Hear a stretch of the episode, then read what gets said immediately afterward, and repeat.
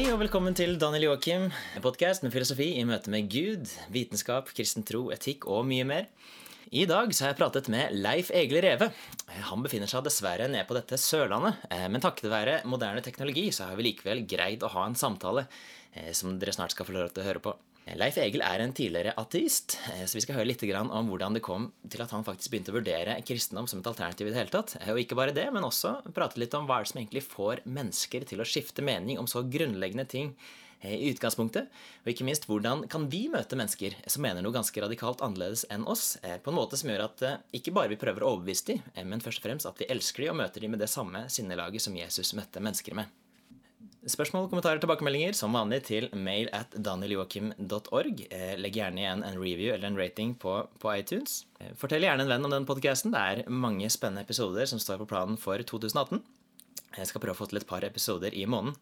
Men nå skal dere få høre fra Leif Egil Reve.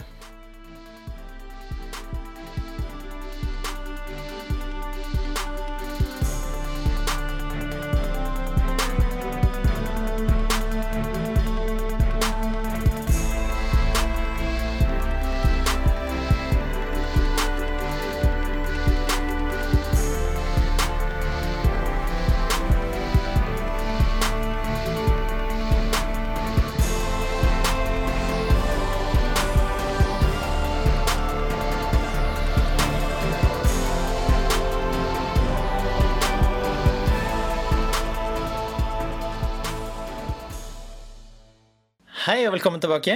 I dag så har jeg med meg Leif Egil Reve. Eh, og det er alltid en glede å prate med Leif Egil. Eh, velkommen. Takk skal du ha. Eh, Leif Egil har jo ganske mange ulike kvaliteter. Men blant annet så blir du ofte kjent som ateisten som blei kristen. Og ikke bare pga. det, men pga. trosforsvar, faktisk. Og det skal vi snart høre litt mer om. Men det hadde vært litt interessant å bli kjent med deg først, Leif Egil. Så kan du ikke bare si kort litt om hvor gammel er du, hvor kommer du fra, og den type ting? Ja. Jeg er 29 år og kommer fra Kristiansand midt i bibelbeltet, så han skulle kanskje tro at jeg var kristen hele livet mitt, men eh, det var ikke sånn. Utover det så um, har jeg akkurat fullført en bachelor i eh, kommunikasjon og livssyn, og jobber som ungdomsleder i eh, en menighet her i Kristiansand. Mm. Og ikke nok med det, du er jo ganske engasjert i mange diskusjoner. Ja. Det er veldig imponert over det, på en måte hvor, hvor utfyllende du svarer, da, og hvor belest du er. Du har tydeligvis ganske mye bakgrunn som du da greier å få ut I alt fra egne videoer til, eh, til kommentarfelt på Facebook. Hvor mange bøker blir det i løpet av et vanlig år? Altså, Jeg har i hvert fall et Audible-abonnement på to lydbøker i måneden, og så leser jeg litt utenom det. Så det er ikke sånn ekstremt mange, men det er kanskje mer enn vanlig.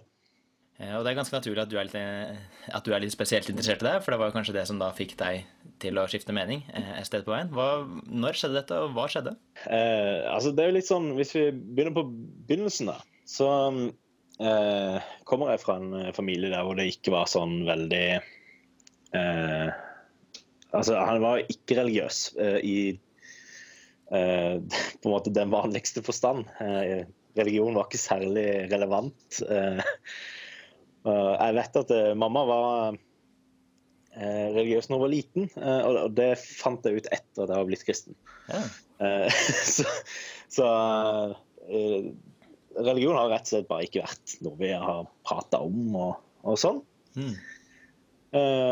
og selv om jeg da som sagt bor, bor midt i bibelbeltet, så er det ikke sånn at jeg hadde veldig mange kristne venner når jeg vokste opp. Men når jeg var ca. 18, så møtte jeg på Eh, en kompis da, som jeg rakk å få ganske god respekt for, og syns liksom ah, dette er intelligent og eh, bra type, liksom. Og, sånn. og så fant jeg ut at han var kristen i tillegg.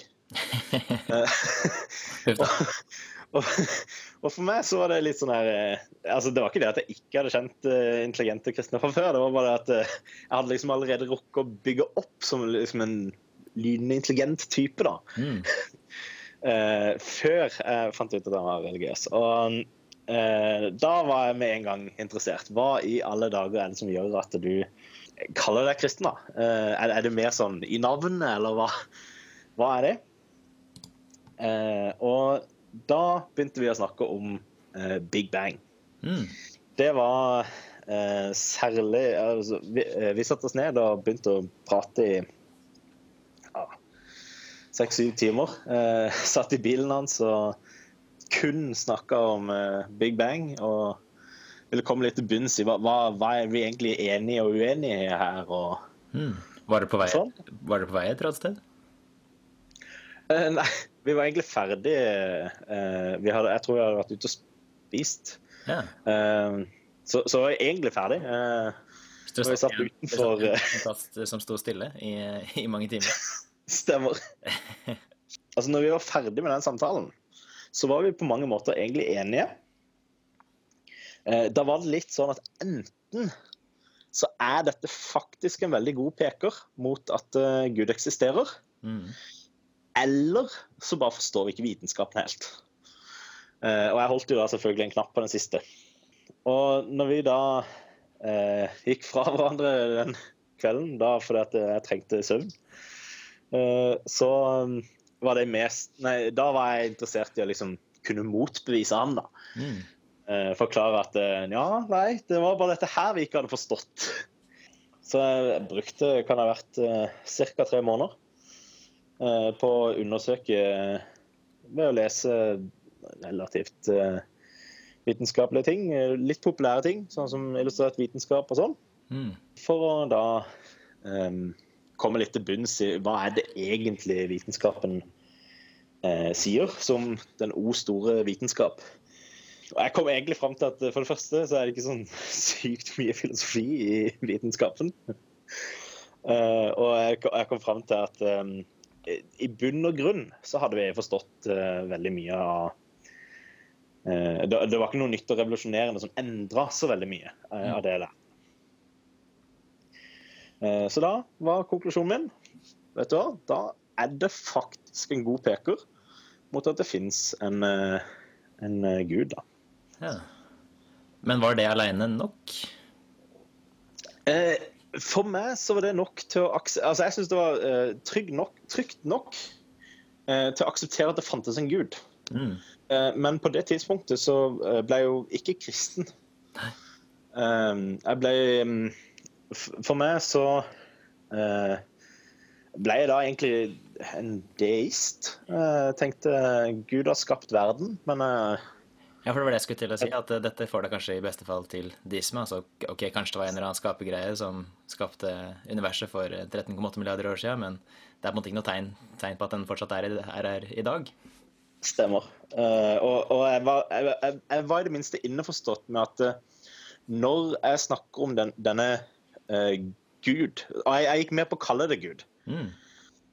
Um, så, så snakker jeg om det samme som det islam og om det samme som det uh, kristendommen snakker om. Det er bare at det har veldig mye mindre kvaliteter. Mm. Eh, men, men jeg gikk med på at det er altså, Da snakker vi i det minste om samme greie. Og, og jeg var også innforstått med at dette er noe helt annet enn sånn som Thor og Odin og uh, den typen guder med liten g. da. Ja. Og, og sånn holdt jeg egentlig på de, eh, den deismen i ca. syv år. ja Fram til du var 4-25? Eh, ca. 25, ja. Ja. Og da var det det at jeg begynte å undersøke historiske Jesus, som jeg ble i utgangspunktet interessert i ved å sitte og surfe på YouTube, liksom. Mm.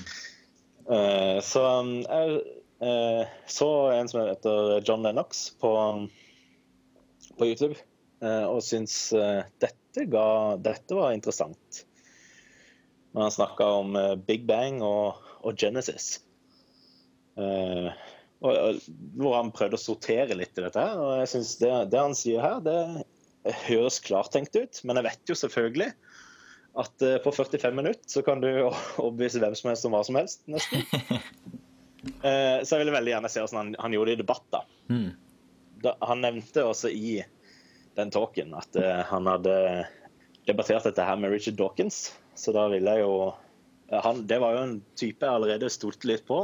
Mm. Ikke, ikke sånn veldig i forbindelse med ateisme. Jeg, jeg visste ikke at han uh, var særlig i på en måte religionssamtalen. Richard, Men- men, Richard Dawkins? Ja. Eh, jeg, Du kjenner han fra helt jeg, jeg, andre steder? Ja, jeg kjente han som biolog og evolusjonsekspert. Mm. Men, men, det gjorde i hvert fall at jeg var trygg på at det var en god tenker og en som kunne utfordre uh, de tankene Lennox hadde. Uh, og det, det, er jo litt gøy nå. men, men, men um, det er litt sånn at uh, jeg skulle kanskje ønske at de første debattene jeg så på, med, på det nivået, det var kanskje med noen som var mer informert, da, kan du si. Ja. um, men, jeg, jeg, har um, uh, Altså, når jeg så uh, Dawkins i aksjon, så syns jeg at uh, John Lennox han var rett og slett mye mer rasjonell. Han, var, han, svarte på alle de utfordringene han fikk, som han hadde tid til, på en måte. Mm. Og um, han svarte gode svar, mens jeg følte at Richard Dawkins han han svarte egentlig veldig lite, og eh, engasjerte veldig lite med, med, det som faktisk ble sagt. Mm. Um, og det gjorde i hvert fall at jeg hadde et ganske godt inntrykk da, eh, av, av den kristne sida per dag. For en vanlig kritikk mot sånne debatter er jo gjerne at det ender egentlig opp med at du bare heier på den sida som du allerede støtta, og du mener at den sida som eh, tilfeldigvis representerer ditt eget syn, vant, vant, til slutt. Men du var egentlig yes. tilbøyelig mot å heie, ja, eller mot å være enig med Dawkins, du? Uh, ja, uh, det vil jeg si. At um, uh, jeg forventa jo at han skulle få ordentlig utfordring på At Lennox skulle få ordentlig utfordring. Mm. men um, jeg, jeg syns jo også jeg så, De hadde akkurat vært, begge de to um, debattene de har hatt. og uh, jeg syns at det, det, var liksom ingen tvil om at Lennox kom best ut av, av de, syns jeg. Mm.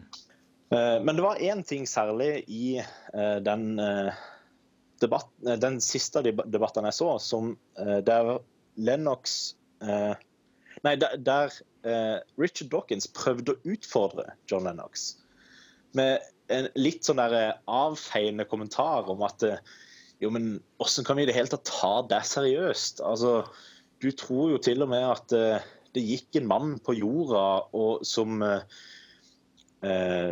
døde i, for 2000 år siden på et kors. og Det er jo bare en eventyrsfigur, liksom. Mm. Når John Lennox da svarte at uh, jo, men, men det, det, mener alle historikere. Det, nå, nå, er du ikke i kontakt med akademia, på en måte. Eh, nå, nå, har du snakka med noen rare historikere hvis du har uh, fått dette her. Og, og Dawkins hevder at dette hadde han fra historikere. Han har siden trukket det tilbake, da. Men, men, men i den ene debatten så, så mente han det. Mm. og for meg var det nytt. For meg var det sånn Hva? Stemmer det at uavhengig av livssyn så mener de at Jesus har eksistert? for jeg hadde litt sånn uh, selv om jeg hadde snakka en del med eh, mange forskjellige kristne, så hadde jeg i veldig liten grad møtt reell argumentasjon. Um, så, så jeg, det er liksom ingen som engang hadde utfordret meg ordentlig på uh, at Jesus var en reell histor historisk person. Uh, så for meg så var det nytt og spennende, og noe jeg ville finne ut mer av. Og det ledet deg til eh, bøker? Da ble det fort bøker. Og jeg leste nok mer, mer, mer bøker da enn det jeg gjør nå. Eh, da var det pløye gjennom eh, det jeg kunne finne. Jeg begynte med ateister. Mest, begynte med sånn som Bart Ehrman og Altså, det gikk veldig fort å bli overbevist om at ja, det var fryktelig teit av meg å tro at Jesus ikke hadde eksistert. At det bare var en folkehistorie, nesten. Ja. Men jeg syns også, etter hvert som jeg hadde lest en del, at det, altså det, det, gir for så vidt mening, men jeg syns allerede før jeg hadde utfordra det ordentlig fra den kristne sida, at det virker litt sånn der klipp og lim og plukk og velg-strategi når de skal gi de forskjellige forklaringsmodellene sine. Eh, og når jeg da tenkte at nå skal jeg gi sjansen til eh, noen kristne for, at, eh, for å høre liksom, hva, hva mener de så syns jeg de var mye mer sammenhengende. De, de var mye mer eh, De ga en argumentasjon som hang sammen, som ga mening. Mm. Eh, og som rett og slett sto sterkere. Og ofte så spilte de ned saken sin, heller enn å overdrive saken. Eh, brukte gjerne senere da De sier typisk at ja, jeg, er egentlig overbevist om eh, disse litt sånn tidlige datoene her på eh, de tekstene i, i Nytestamentet her. Men eh, fordi at eh, sånn som Bart German eh, bruker litt seinere datoer, så forholder jeg meg til de heller. Eh, og eh, allikevel så står argumentasjonen veldig sterkt. det, det, var noe som appellerte veldig til, til hodet mitt. da. Og da snakker du ikke bare argumentasjon for at Jesus faktisk var en historisk person som, som levde en gang, for det er jo Bart Ehrmann og andre ateister for så vidt enig, men for at det faktisk, eh, de kildene i Bibelen er troverdige historiske kilder. Eh, Stemmer. Når de forteller om Jesu liv. Og eh, ikke, ikke, bare Altså, eh, for meg er det litt viktig å understreke at jeg allerede trodde det fantes en eh, Gud på dette tidspunktet. Så for meg var det ikke umulig å tenke at han kunne ha grepet inn.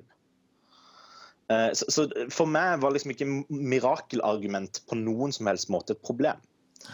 Eh, selv om jeg selvfølgelig ikke mente at uh, jo den gud jeg tror på, er en sånn gud som driver og griper inn støtter stadig. Mm. Så, så, så, var liksom, det var aldri en sånn hindring jeg egentlig hadde uh, rent prinsipielt. da. Uh, og jeg føler kanskje litt at uh, det ofte er, er liksom det største motargumentet som, som, mange ateister bruker, som um, kanskje bærer mest uh, vekt. Da. Hvis det ikke finnes noen gud, så er det nokså naturlig at uh, det er en ekstra hindring uh, med mirakel som en konklusjon. Da. Ja. Det er det hele tatt å tro at det kan foregå ting i naturen som er ut fra hva vi vanligvis som er annerledes fra hva vi vanligvis observerer. Ja. Mm. Jeg, jeg, tror nok det, det, er kanskje den største forskjellen fra eh, når en vanlig på en måte ateist eh, skulle lest det samme, så, så, så, tror jeg at eh, de nok vil synes at det er mer overbevisende med eh, argument mot mirakler mm. Eh, enn det jeg syns. På det For det er ganske interessant, for da gikk jo du på en måte i to ledd. Altså Du ble først overbevist om noe ganske sånn basic, vagt gudeskikkelser, men som i hvert fall muliggjorde dette konseptet om mirakler, noe som overskrider mm. eh, naturlig, naturlig, forklaring alene. Men mm. så kom da et neste steg, hvor du måtte fikk, litt, ja, fikk identifisert da, hva, hva, dette mirakelet kunne være. Eh, når ble mm. du overbevist om at eh, eh, Jesu oppstandelse, altså ikke bare det at Jesus har vært en historisk person, men at han faktisk døde og sto opp igjen, var en reell mulighet? Mm.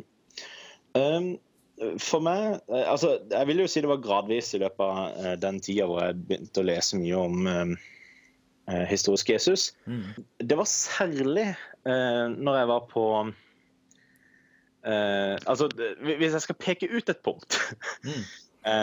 så var det etter at jeg hadde sett enda da en, en YouTube-video av en som heter Peter J. Williams som hadde eh, hatt et foredrag om eh, nye grunner til å tro at evangeliene er troverdige. Eh, der tok han opp særlig eh, argumenter som eh, det som vi kaller for utilsikta sammentreff. Som er at eh, tekstene overlapper hverandre på en sånn måte, altså evangeliene overlapper hverandre når de snakker om samme ting, på en sånn måte at de utfyller hverandre uten å på en måte eh, forsøke å bekrefte hverandre. Eh, og, og, for meg, når jeg hadde eh, gått gjennom en del av de eksemplene, eh, så syns jeg dette eh, oser av eh, folk som virkelig prøver å fortelle sannheten på best mulig måte. Mm. Eh, så for meg så eh, var det en av de eh, virkelig store punktene som jeg liksom begynner å innse at vet du hva, nå finner jeg på unnskyldninger for å ikke akseptere eh, på en måte den konklusjonen som faktisk er det rasjonelle her. Mm. Eh, og det er at Jesus faktisk sto opp fra de døde, og at eh, det innebærer at han faktisk er Gud. Eh, og det betyr noe for mitt liv. Men denne konklusjonen til kom du på en måte på basis av argumenter? Var du ikke redd for at det var et eller annet å overså? F.eks. med Big Bang, at ikke du tenkte på alternativ? Som at eh, Ok, Big Bang var kanskje ikke starten, men det var bare en gren av eh, et uendelig antall multivers, eller at det er samme universet som bare kontrollerer og ekspanderer til, til evig tid. Tenkte du ikke på disse alternativene? Eh, Det var jo i aller høyeste grad altså Det var noe av det første jeg ble em, presentert for i når jeg begynte å lese f.eks. illustrert vitenskap. Mm. Eh, Men, men når jeg leste det, eh, så så jeg for det første ikke noe konkret eh, bevisunderbygging. Mer bare at de, de foreslår dette kunne vært en måte det kunne skjedd på. Men problemet er det, vi har ikke noe fysikk til å underbygge det. Og det strider imot en del fysikk vi allerede kan. Eh, og, og for meg så, så blir det litt sånn OK, det betyr kanskje det er mulig, uh, men det virker usannsynlig. Uh, så særlig med, med Altså, Felles for begge disse må, periodene mine er at det, jeg vil ikke si at det er 100% sikkert i den strengeste mulige måten å forstå det på. Men jeg vil si at det er så sannsynlig at eh, det er verdt å eh, sette tilliten sin til det. Mm. Eh, og, det eh, hender det også at jeg får litt uh, PS for, men, men eh, eh, fra type kristne miljøer og sånn. Men, men jeg mener at eh, eh, det å ikke anerkjenne at det, det fins en reell mulighet for at jeg tar feil, eh, det, det tenker jeg er litt eh, urettferdig, urettferdig intellektuelt. Um, så, så mener jeg også at saken er såpass sterk at det, for meg nå så kan jeg vanskelig se um, Altså, jeg, jeg kan finne på uh, ting som kunne motbevist det. Hadde vi f.eks. funnet et Lukas-evangelie fra uh, år 200 før Jesus, så hadde det vært en god grunn til å begynne å revurdere ting. Mm. Men jeg har jo ingen tiltro i det hele tatt til at noe sånt kommer til å skje. Ja, eh, selvfølgelig, det kan være jeg tar feil, men, men jeg mener at det mest rasjonelle, og ikke bare så vidt mer rasjonelle, men veldig mye mer rasjonelle, Mm. eh, det er å faktisk eh, tro at Jesus faktisk står fra det døde. Ja. Hvem skal en slags sånn foreløpig konklusjon, da, som, som vi så vidt, for så vidt kanskje alle har? En slags Ja. konklusjon hvor du tenker at dette er beste forklaring, men det er eh, også en så god forklaring at det er verdt å, verdt å leve etter. Absolutt. Hvordan, hvordan ser livet ditt annerledes ut? Eh, Du var jo veldig ung når du fortsatt var en ateist eller deist, for så vidt, men hvis du skulle peke på noen ting som gjør livet ditt annerledes nå? I utgangspunktet så, så vil jeg si det mest åpenbare. Eh, det er jo da at jeg nå bruker veldig mye energi på eh, kristendommen. Mm. Eh, I form av at jeg eh, holder foredrag, og i form av at jeg studerer mye, leser mye. Um, den typen ting. Altså rent praktisk eh, så har det jo åpenbart endra seg. Eh, og det er litt sånn at eh, veldig mye av de verdiene som ligger i eh, kristendommen, var på mange måter den typen verdier jeg hadde fra før. Så, så moralsk sett og sånn, så har ikke så mye eh, endra seg, da, kan du si. Eh, selv om det nok har vært eh, noen endringer der også. Spennende. Så i en forstand så har du kanskje funnet ut Du har kanskje oppdaget et eller annet som du mener er så bra at du har lyst til å bringe det videre? Altså Jeg merker jo for min egen del at hvis jeg hører en helt fantastisk musikklåt eller har opplevd et eller annet fantastisk med en feriereise, så Du har jo lyst til å fortelle det videre. Eh, Og så merker Ja. du at når du forteller det videre, så blir det aldri så fantastisk for de som hører på, som det det var. Men du, du kjenner i hvert fall det behovet for å prøve å formidle litt av det samme som du selv opplevde. Ja, det er veldig bra bilde på, på det. Spennende. Også, men så finnes det noen andre der, eh, både ateister og kristne, for så vidt, som tenker at dette her med, dette her med trosforsvar og dette skulle prøve å begrunne troen sin. Altså, hallo, det er jo bare mm. tro. Det er jo det er en grunn til at ikke vi ikke kaller det viten, eh, sier de. Mm. Mm. Det er på en måte ikke noe vits i. For det, enten så tror man, eller så tror man ikke. Og fremfor alt, du kan aldri, du kan aldri argumentere noen til å bli kristen. Ja. Du er jo et slags sånn moteksempel på det, selv om det da gikk i sånne små steg. Ja, jeg vil jo i aller høyeste grad si at uh Eh, jeg tror i hvert fall sjøl at det er et moteksempel. Eh, men eh, jeg vil heller ikke underspille på en måte litt det altså, Jeg mener ikke det er Selv om min vei til troa var gjennom argument, så tror jeg ikke det er den eneste måten. Mm. Og, det er åpenbart ikke den vanligste måten. Men så, tror jeg litt sånn her at hvis det er sånn at det er sant at Jesus sto opp fra de døde, og det er en virkelighetsbeskrivelse. At den treenige Gud er den som har skapt eh, universet. Så følger det at det selvfølgelig må være mulig å kunne argumentere eh, for at det er sant. På den måten så, så uh, har jeg ofte mer til felles med mange ateister. Mm. Som liksom ønsker Jo, men jeg, jeg, trenger bevis for å tro dette her. Og ja, jeg trenger også bevis, men spørsmålet er litt sånn Hva er et bevis? Hvor, hvor mye bevis må du ha? Uh, og, og, jeg tror at uh, hvis vi ser på hele virkeligheten uh, som bevismateriale vi har tilgjengelig, mm. så peker den ganske klart og tydelig mot den treenige Gud som, som skaper hele universet og herre over virkeligheten. Eh, men det er klart at det ofte så, så, er det ganske mange argumenter, og veldig ofte så, så er det ikke bare ett argument. På en måte så, så kan du si det at jeg var eh, til og med nesten litt kjapp eh, med å gjøre konklusjonen at det fantes en gud, når jeg var fornøyd med bare begynnelsesargumentet. Mm. Men jeg syns også det var såpass sterkt at det var god grunn til å faktisk ha tillit til, til argumentet. Eh, og det er jo også litt sånn eksempel på hvordan bakgrunn, de tingene vi allerede tenker om virkeligheten, former hvordan vi møter nye påstander.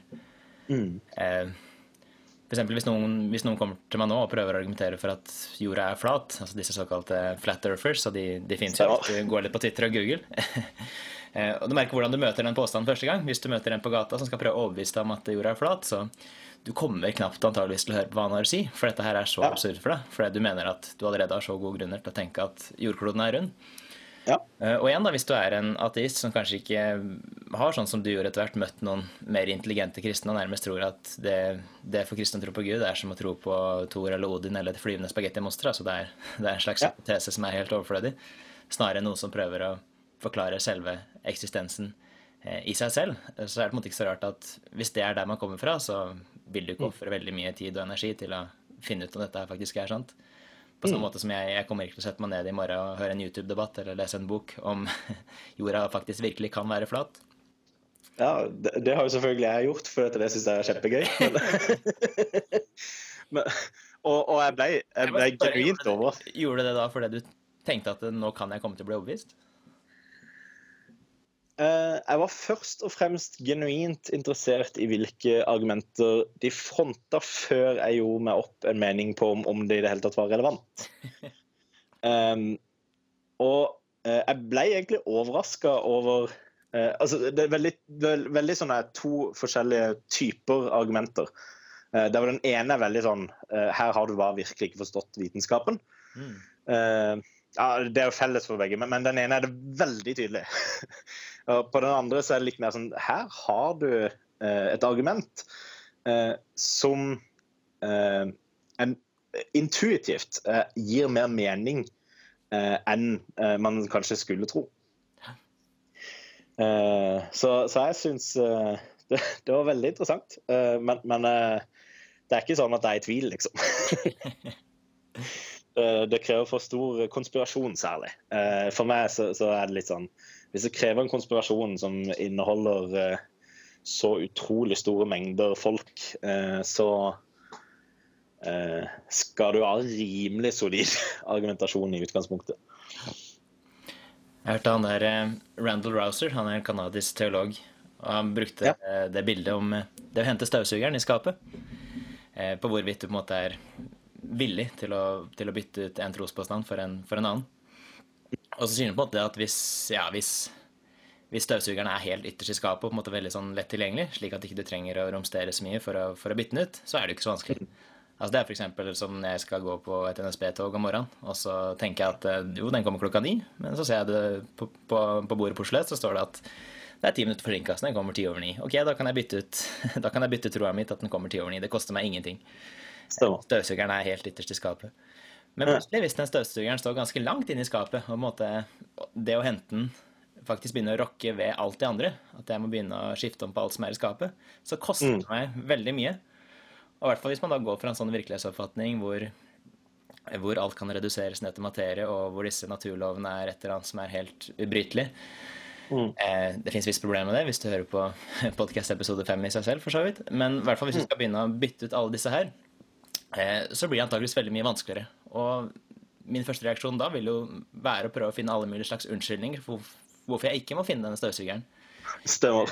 Hvis det er kona mi som har bedt meg, så vil jeg antageligvis si at ja, men girl vårt er jo ikke så skitten, trenger det virkelig å støvsuges nå? Eller jeg kan låne støvsuger av naboen, eller på en måte et eller annet annet. Måtte ja. et eller annet som gjør at ikke jeg trenger å begynne å skifte rundt på alt. Ja.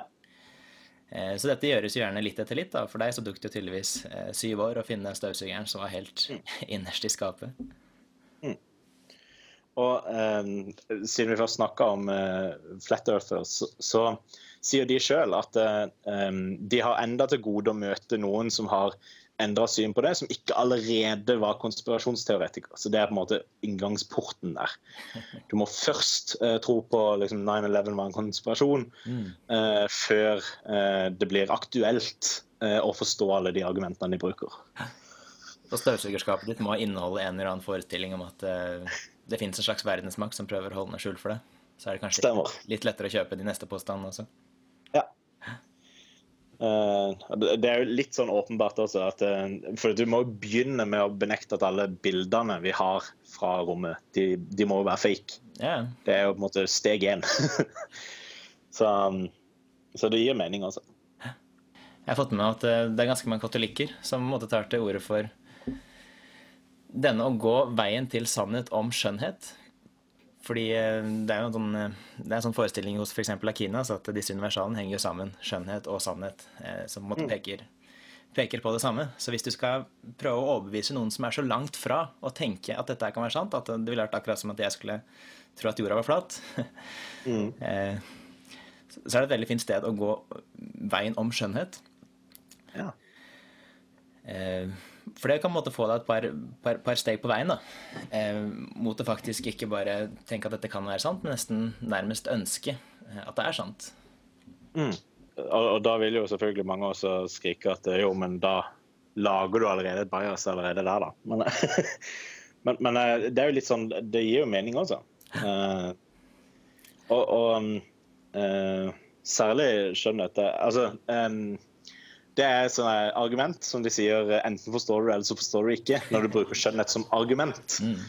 Eh, men men uh, jeg tror likevel at det er jo absolutt noe eh, i det, selv om jeg er en av de som ikke forstår det som argument. Eh, forstår det som en helhet. Ja, det er vel Peter Kreff som gjerne sier at han, han kjenner i hvert fall to-tre artister som har blitt konvertert bare ved å høre på Bach. Som har tenkt at Ja. dette, dette her er så vakkert at min opplevelse av skjønnhet kan ikke bare reduseres ned til eh, reaksjoner fra kjemikalier eller fra en slags sånn evolusjonær bieffekt. Mm. Så det er sant. Og der igjen, hvor, hvor du egentlig kommer fra. Kan, kan opplevelsen av skjønnhet forklares ved hjelp av kjemikalier og, og, og evolusjonære bieffekter, eller kan skjønnhet faktisk være noe en sånn grunnleggende kategori i virkeligheten som peker mot noe større enn seg selv? Mm. Ja, så sånn, sånn helt til slutt. Du, du prater jo med flere, flere både ateister og agnostikere og mennesker som mener noe annet enn deg, enn enn kanskje de fleste andre. Har du noen tips når det kommer til å komme i, komme i gode samtaler med mennesker som er radikalt uenige med deg selv? ja, eh, det vil jeg si. Eh, eh, mine tips er veldig revolusjonerende. utrolig spennende. Revolusjonerende tips om hvordan ha en god samtale med en ateist. Det tror jeg. Særlig være ærlig. Eh, det er liksom helt, helt grunnleggende, tenker jeg. Mm. Eh, og det innebærer Altså, det å være ærlig er ofte vanskelig. Um, fordi det, det, betyr at du må innrømme dette her, det har jeg aldri tenkt på. Mm. Eller dette her, det, um, det har jeg ikke tenkt grundig nok på. Å ha en sånn åpenhet i, i samtalen, og, og, det gjelder selvfølgelig eh, begge veier. Um, og det er jo litt sånn, det, det vil jo gjøre med alle sånne tips. Uh, men, men, jeg syns særlig ærlighet det er helt sentralt for å få en veldig god uh, samtale. Mm. Kanskje da er det lettere å få den andre til å forstå at denne personen er faktisk genuint interessert i sannhet. Og Stemmer. vi to kommer fra hver vår vinkel, men vi er, vi er, genuint interessert, og vi ønsker å følge sannheten mm. hvor enn den, hvor enn den måtte lede. Litt sånn som uh, Rent praktisk så, så, var det jo egentlig det uh, meg og han kompisen min uh, ble enige om i bilen. Ja. At her er, vi, her, er vi, faktisk enige. Dette er enten en god peker eller så, så, har vi bare ikke forstått vitenskapen godt nok. Mm. Og da er vi enige om at her er det noe vi ikke vet sammen. Vi, vi, har, ikke, vi har, ikke, nok data. Så, så, hvis vi skal avgjøre dette, så trenger vi mer input. Mm.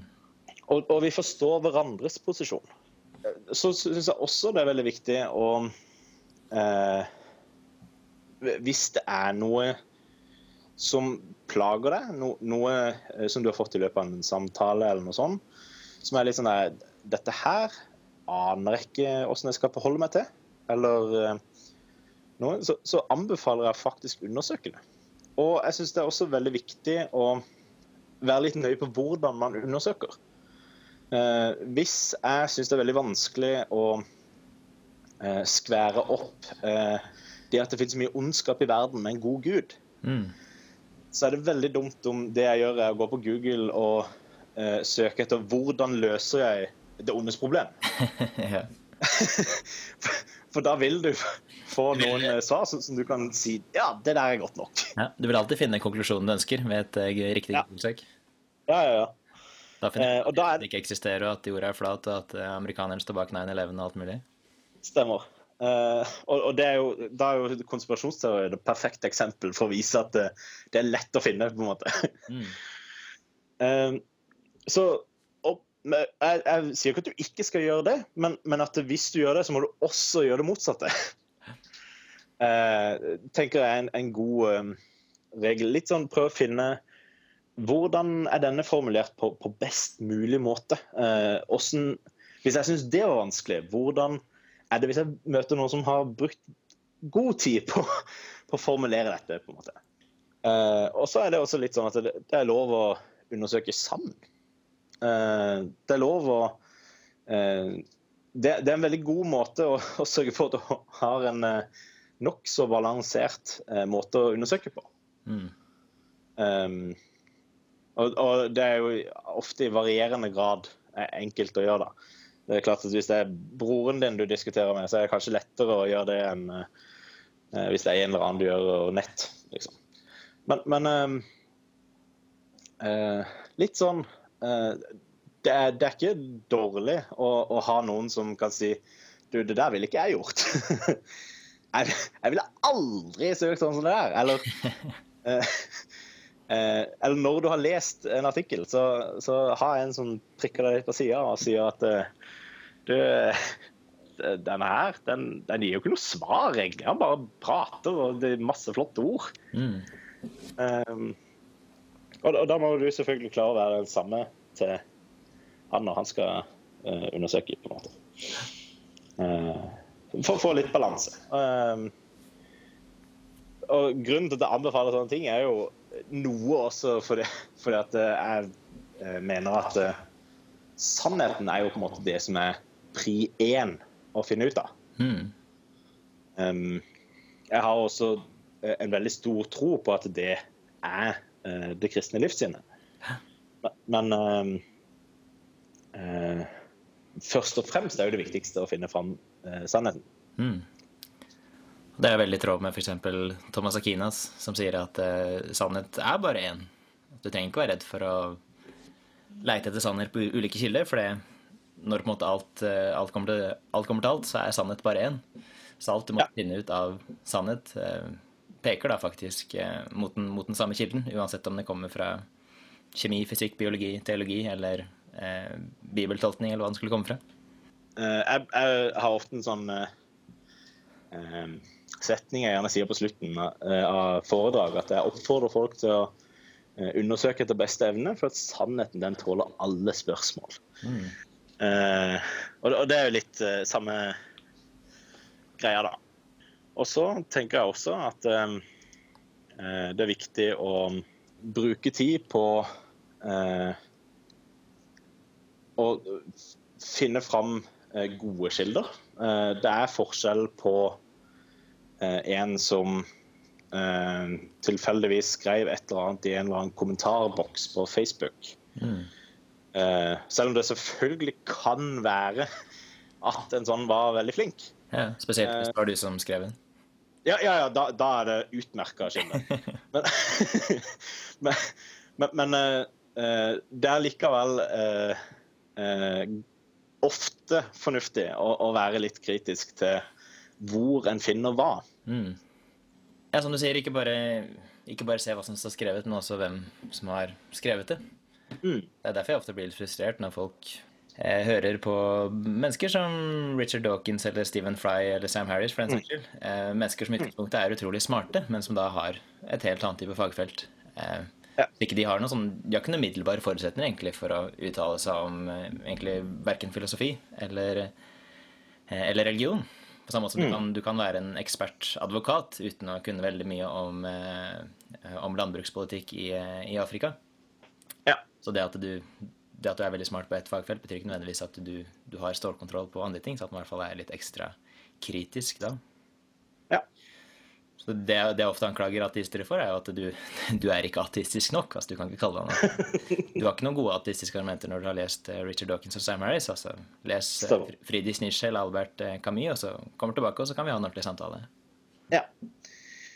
Uh, og jeg syns ofte at uh, um det å eh, stille spørsmål er en veldig god eh, inngangsport til å få gode samtaler. Mm.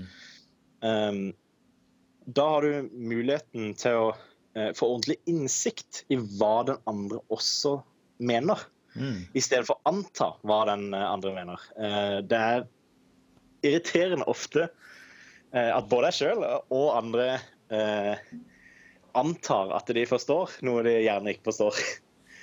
Um, og uh, det tenker jeg at det er noe vi må prøve å unngå i størst mulig grad. Og det er ofte lett å gjøre, eller lettere å gjøre eh, om en bruker tid på å stille spørsmål, gjerne eh, gode, relevante spørsmål. Jeg lærte, jeg lærte, et nytt ord her om dagen, og det var stålmanne. Har du hørt om det før? Det er jo da okay. det, det stikk motsatte av stråmanne. Istedenfor å, for å stråmanne, f.eks. For istedenfor det å tenke at uh, nei, ateister kan ikke være moralske, eller ateister tror at uh, mennesker er utvikla fra apekatter, mm. så på en måte prøver du genuint å gjøre det stikk motsatte. Altså å finne den beste mulige utgaven av posisjonen til motstanderen din. Og da er du på en måte stålmanne. Ja. Da har du skapt den sterkest mulige motstanderen. For da, da begynner du kanskje å skjønne hva denne personen egentlig tenker. Ja, det, er, er det et uh, ord som er mulig å uh, Altså, må det innføres, eller er det Jeg har hørt det brukt liksom på folkemunne rundt omkring, så det er nok ikke noe som er innført i noe populærlitteratur, men det er kanskje ikke stråmann heller. Men vi, vi, vi, vi, må gjerne innføre det sammen, for all del. Det er, jeg, jeg tror det, det, det hørtes bra ut. Jeg, jeg, kan prøve å stålmanne andre, og så håper jeg at også andre prøver å stålmanne meg. Ja, Eh, og, og jeg, jeg, vil jo si at uh, mitt mål er jo på mange måter å, å være uh, Å kunne representere den aller beste ateistiske posisjonen mulig. Uh, på en bedre måte enn enn den jeg snakker med, da. Det tenker jeg, det må jo være en fordel, for det vil vise at jeg, jeg forstår det. Selv om jeg ikke påstår at jeg er der helt ennå. Mm. Så, så um, å, å, kunne representere den andre på en god måte, eller stålmannet, uh, det tror jeg må være et mål. Uh, og så er det litt sånn um, et annet tips er gjerne å uh, ha eh, temaer som både som, som, du er eh, litt sikker på sjøl. Eh, for da kan det være eh, Altså, da kan du ha noe å bidra med i en samtale. Mm. Eh, og også være bevisst på hvilke eh, temaer du gjerne trenger å lære mer om. Mm. For de kan være eh, kanskje enda mer interessante eh, å snakke om. Um, og, og, litt sånn Hvilke temaer er her eh, relevant i en religiøs samtale, f.eks.? Uh, da jeg var ateist, så var jeg tydelig på at jeg trodde på fri vilje, f.eks. Mm. Men, men det falt meg ikke inn at det var eh, et relevant tema til samtalen om Gud. eh, og, og, litt, litt, sånn være klar over eh, hva som er relevante samtaler. Det tenker jeg eh, kan være veldig viktig. Mm. Eh, for, særlig for å bevisstgjøre det, det, er litt sånn som jeg, jeg sier at jeg skulle gjerne ønske at jeg hadde møtt meg sjøl for eh, ti år siden og eh, jeg, lurer på hvordan jeg hadde tatt noen som hadde utfordra f.eks. på frivillige. Eh, som jeg hadde allerede resonnert meg fram til at det måtte vi ha. Eh, og så hadde bare eh, så hadde jeg innsett at det, er et problem med eh, kun atomer. Men så bortforklarte jeg det med men det skjer i hjernen. Eh, og så var det liksom godt nok. Ja. Det var ingen som utfordra meg på det. Uh, og, det er jo litt sånn Jeg skulle gjerne hatt noen som kunne utfordra meg på. Tror du at du tenkte en tid det tok da, at du nesten kunne blitt skremt hvis noen kom med alle disse utfordringene på et tidlig tidspunkt? Eller tror du det bare da ville hjulpet deg?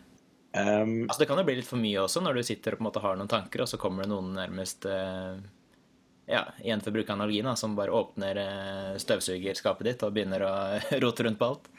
Så kan mm. bli ganske sint på den personen og da ønske å kaste den ut. Og det er nok et poeng, det også, at um, um, en, en, samtale som forandrer livssynet, uh, det er forhåpentligvis en samtale som tar litt tid. Mm.